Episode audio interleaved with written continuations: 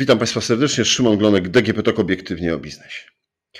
Od 24 lutego trwa wojna w Ukrainie. Nieraz już o tym mówiłem w naszych podcastach pod bardzo wieloma względami i biznesowym, i społecznym, i gospodarczym, i geopolitycznym. E, jeśli ktoś jest zainteresowany, to oczywiście zapraszam do słuchania różnych naszych podcastów.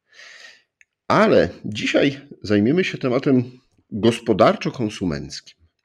Początkowo w mediach społecznościowych Polacy deklarowali, że nie będą korzystać z produktów firm, które nadal są na rynku rosyjskim, nie będą kupowali w sklepach, w sieciach, e, które nie wyszły z rynku rosyjskiego. Ten bojkot, taki nacisk społeczny spowodował, że rzeczywiście nie tylko w Polsce oczywiście, ale w całej Europie i nawet w świecie, e, że wiele firm zdecydowało się zamknąć swoje biznesy, e, zamknąć fabryki, przestać sprzedawać czy dostarczać swoje towary na rynek rosyjski. Jednak e, trzy sieci, w jednej firmie skupione, Auchan, Decathlon i Leroy Merlin zostały. Decathlon ostatecznie wycofał się, powodując, znaczy podając powód kłopotów z zaopatrzeniem, e, z logistyką, e, jako e, oficjalny powód do wycofania się. A my dziś przyjrzymy się właśnie od strony konsumenta. Czy rzeczywiście bojkotowaliśmy, czy to było tylko takie mm, na fejsiku pochwalenie się, że ja tam nie kupuję. No i pewnie zderzymy się z twardymi danymi. A o tym wszystkim porozmawiam z Antoniną Grzelak z aplikacji Pan Paragon. Dzień dobry, witam. Dzień dobry, bardzo mi miło. Cieszę się, że mogę dzisiaj z Państwem, do Państwa mówić, z Państwem rozmawiać. A Pani Antonino, to zanim zaczniemy o tym bojkocie, to proszę powiedzieć, e, skąd Państwo czerpią wiedzę?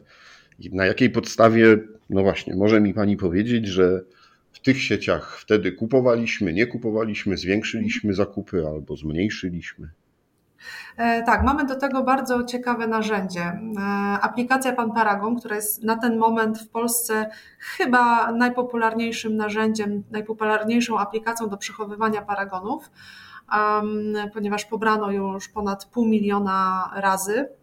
I faktycznie tych paragonów wpada do nas miesięcznie grubo ponad 100 tysięcy, jest to około 120 tysięcy, z czego zdecydowana większość są to paragony pochodzące z polskich sklepów, od polskich konsumentów.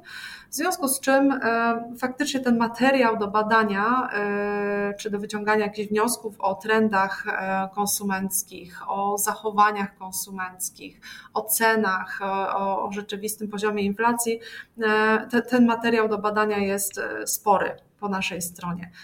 Czyli no. polega to na tym, że mając Waszą aplikację, idę do sklepu, robię zakupy, skanuję, robię tak, zdjęcie paragonu. Tak, przy pomocy aplikacji e, można zeskanować paragon. Ten paragon jest przechowywany w aplikacji, można go bardzo szybko wyfiltrować, bardzo szybko odnaleźć, ponieważ e, podstawowe dane z paragonu zapisują się w systemie, e, dzięki czemu ten paragon też trafia do odpowiedniej kategorii, tworzą się statystyki wydatków, bardzo często właśnie używane przez naszych użytkowników do tego, by monitorować budżet domowy.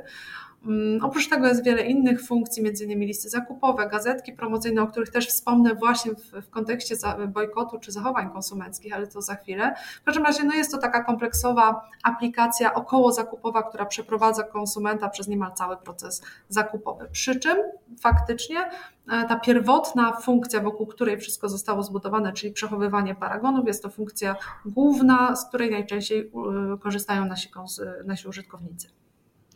I rozumiem, że konsument y, skanując, znaczy korzystając z Waszej aplikacji, pozwala Wam, jako operatorowi tej aplikacji, twórcy tej aplikacji, y, też korzystać z danych statystycznych. Bo tak, Wy nie wiecie, e, jakie Jan Kowalski czy Halina Malinowska zrobili zakupy, tylko wiecie, że nie wiem, w danym sklepie, w danej sieci w tym miesiącu zrobiono 10 tysięcy zakupów, nie wiem, bułek maślanych. Dokładnie tak. Jakby, no, idea, która nam przyświecała od początku, bo sami też z tej aplikacji korzystamy, też jesteśmy konsumentami, korzystamy z niej, niektórzy, niektórzy z nas wręcz nałogowo. Zależało nam bardzo na absolutnym bezpieczeństwie tych danych, bo my mamy świadomość, że to, co jest na paragonach, to są jednak, e, jednak ważne dla konsumentów dane, którymi na pewno nie, nie chcieliby się personalnie w żaden sposób dzielić. E, mamy tego świadomość e, i, i jakby od samego początku tak skonstruowaliśmy aplikację, żeby użytkownik był całkowicie anonimowy. My nie posiadamy jego imienia, nazwiska. Żeby korzystać z aplikacji Pan Paragon, nie trzeba się nawet do niej logować. E, co, co jest dla niektórych no, bardzo istotne, tak? bo nawet nie chcą się dzielić, nie wiem, adresem mailowym. My to szanujemy, rozumiemy, dlatego e, wszystkie dane z paragonów, jakie posiadamy, są to dane całkowicie zanonimizowane, no i jedyne, co możemy zrobić, to um, analizować je po prostu zbiorczo.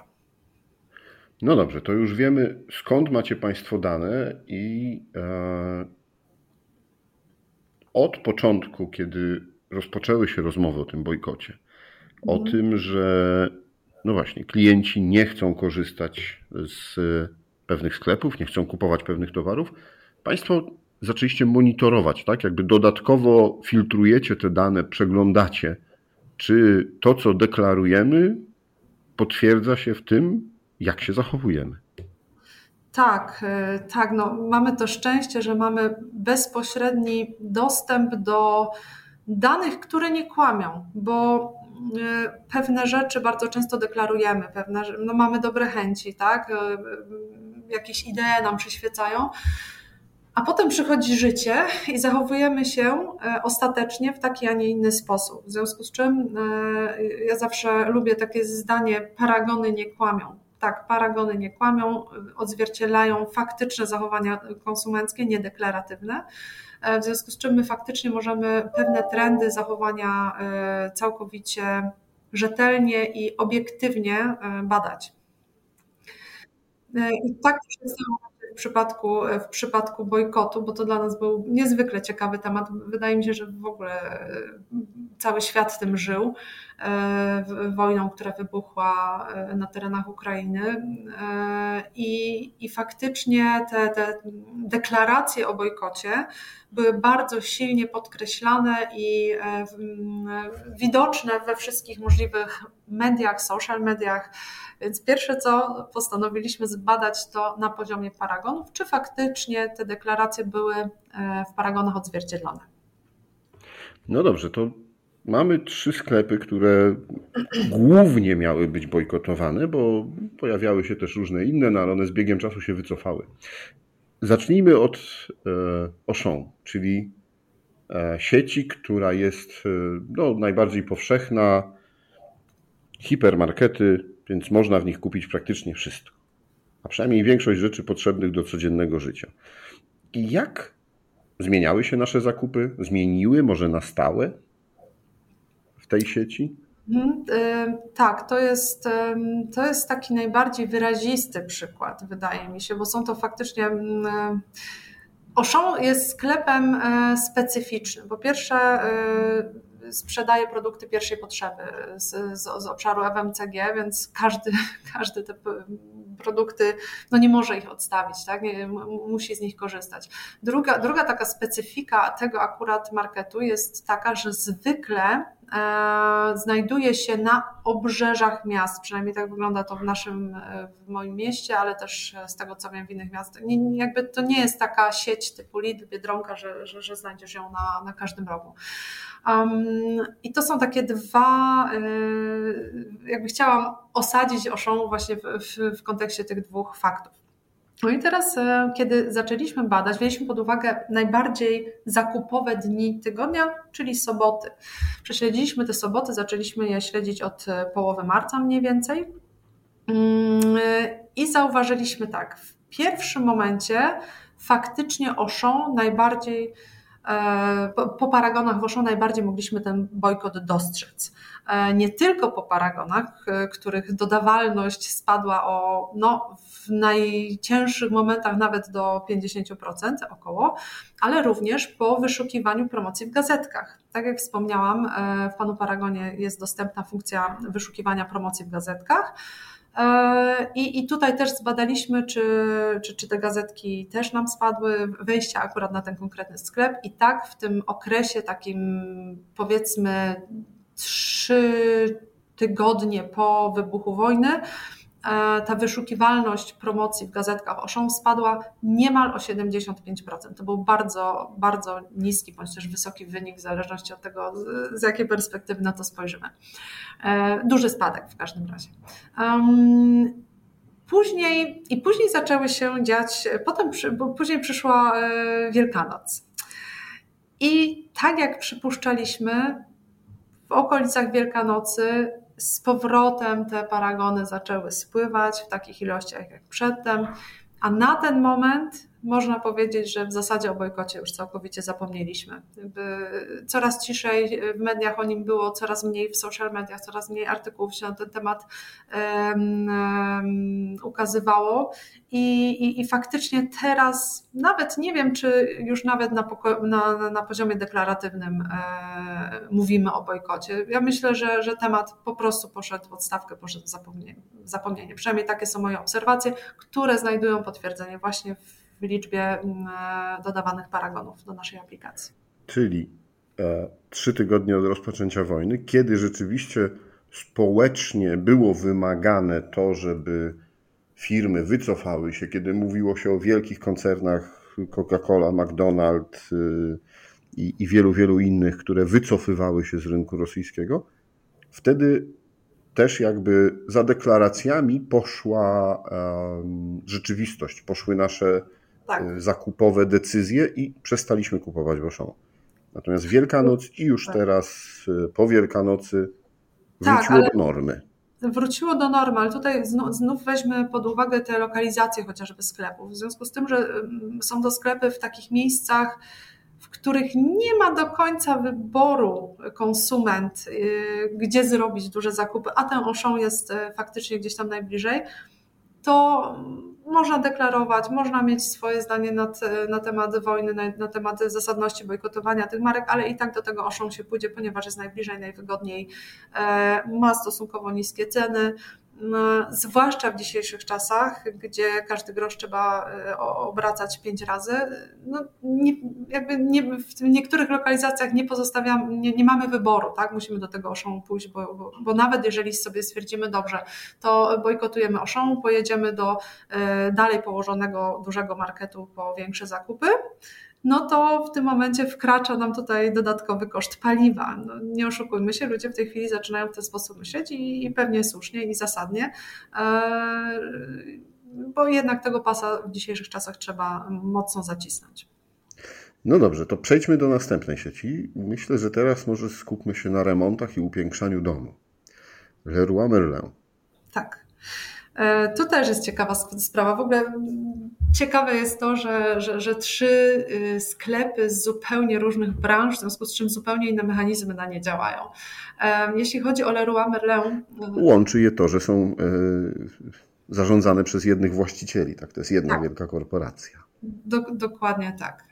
Natomiast jeśli chodzi o Leroy Merlin, tutaj w grę od początku wchodziły wchodziło zamieszanie e, związane z e, cenami na rynku e, materiałów budowlanych, ale również z dostępnością tych, tych materiałów. Tutaj znów Leroy Merlin nie ma zbyt wielkiej konkurencji. Tak? No są oczywiście inne sieci, ale też nie, nie zawsze dostępne w, w danych lokalizacjach. Um, I tutaj nie zauważyliśmy w zasadzie prawie że żadnej reguły. Nie, jakby nie można powiedzieć, ta, ta, ta paragonowa sinusoida, która tam akurat w Leroy Merlin zaistniała, czy mogliśmy ją zaobserwować na przestrzeni tych ostatnich e, dwóch, trzech miesięcy, nie wyglądało na to, by była e, skorelowana z, z trendami e, bojkotowymi, bardziej właśnie z dostępnością materiałów, e, z cenami, które też się gdzieś tam wahały. No jednak tutaj myśleliśmy, myślę, że dużo bardziej pragmatycznie. Ponadto, ponadto też wziąć pod uwagę, że w Leroy Merlin paragony to tylko część E, natomiast sporo osób akurat w tej sieci robi zakup również na faktury. Faktury są rzadziej do naszego systemu wprowadzane, więc też myślę, że tutaj te wyniki też nie były takie do końca e, miarodajne. Czyli tutaj e, można powiedzieć, że nie zaobserwowaliście Państwo jakichś wielkich nie. ruchów, tak? Nie, nie, nie bojkotowaliśmy za bardzo tego Leroy No dobra, to ostatnia Y, marka z tych mhm. trzech wymienionych, czyli Decathlon. Typowa Decathlon. rozrywka, hobby, sport, czas wolny. Czas wolny, ale też temat związany bardzo z wakacjami. Jednak Leru, y, y, Decathlona odwiedzamy im bliżej wakacji, tym częściej. Jest to głównie też sprzęt sport, nie tylko sportowy, ale też biwakowy, namioty, E, więc e, i tutaj dokładnie tak jak się spodziewaliśmy i tak jak podejrzewam Państwo się spodziewaliście, ten bojkot na, z początku był odczuwalny. Oczywiście nie aż tak mocno jak w Auchan, ale jednak, e, jednak były spadki. Natomiast im bliżej majówki, im bliżej czerwcówki, im bliżej wakacji, te zakupy w Decathlonie rosły, rosły, rosły. W, ty, w, tym momencie, o ile się nie mylę, z tego co pamiętam, są nawet na wyższym poziomie niż, e, niż sprzed wybuchu wojny. Także tutaj e, no, myślę, że marka Decathlon może przez moment odczuła skutki swoich decyzji, e, w sensie takim, że faktycznie Polacy przez chwilę być może bojkotowali, ale nie było, myślę, że nie było to jakoś szczególnie odczute przez tę markę. Natomiast na ten moment, jako konsumenci, nie bardzo mamy wybór. Tak to ujmę, bo jednak Decathlon e, jest jedynym w swoim rodzaju tego typu sklepem e, z tak szerokim asortymentem, z takimi cenami i, i no, Polacy jednak, no okej, okay, idee ideami, przekonania przekonaniami, ale w ostateczności, zwłaszcza w dzisiejszych czasach, podkreślę to jeszcze raz, myślimy bardzo pragmatycznie. Mhm. No dobrze. E, ciekawe to dane. E, pewnie nie dowiemy się nigdy tak do końca, jak one e, przekuły się na zarobki tych firm, chociaż może jak będą raportowali roczne wyniki sprzedaży, to wtedy uda się analitykom wyciągnąć. Y, ciekawym tematem jest, y, na ile w Europie, nie tylko w Polsce, ale na ile w Europie, y, w Europie w ogóle były takie naciski na te firmy i, i bojkoty, bo z tego, co ja gdzieś w, kulu, w kuluarach usłyszałam, to nie, nie, jest absolutnie w żaden sposób sprawdzona informacja, natomiast faktycznie gdzieś tam takie pogłoski się przewijały, że ten bojkot najbardziej był um, prom, nie że promowany, ale najbardziej był tutaj podkreślany. Deklarowany deklarowany w Polsce, tak, deklarowany w Polsce, że na Zachodzie nie było, nie było aż takich ruchów e, bojkotujących, że jednak my się dużo bardziej zapaliliśmy. Może być może dlatego, że ta wojna odbywa się no, tuż za naszymi granicami i jednak dużo bardziej tym żyjemy, być może, niż inne kraje Europy. Aha. No, proszę Państwa. E, warto sobie myślę, że pomyśleć i zastanowić się nad tym, gdzie kupujemy i gdzie wydajemy nasze pieniądze. E, wojna trwa nadal. Ja wiem, że są wakacje. Ja wiem, że remonty domów nadal e, trzeba robić, ale może warto o tym pomyśleć. Dziękuję Pani bardzo. Moim i Państwa gościem była Pani Antonina Grzelak z aplikacji Pan Paragon. Dziękuję serdecznie za rozmowę. A to było DGB Talk obiektywnie o biznesie. Rozmawiał Szymon Glonek. Dziękuję, do usłyszenia.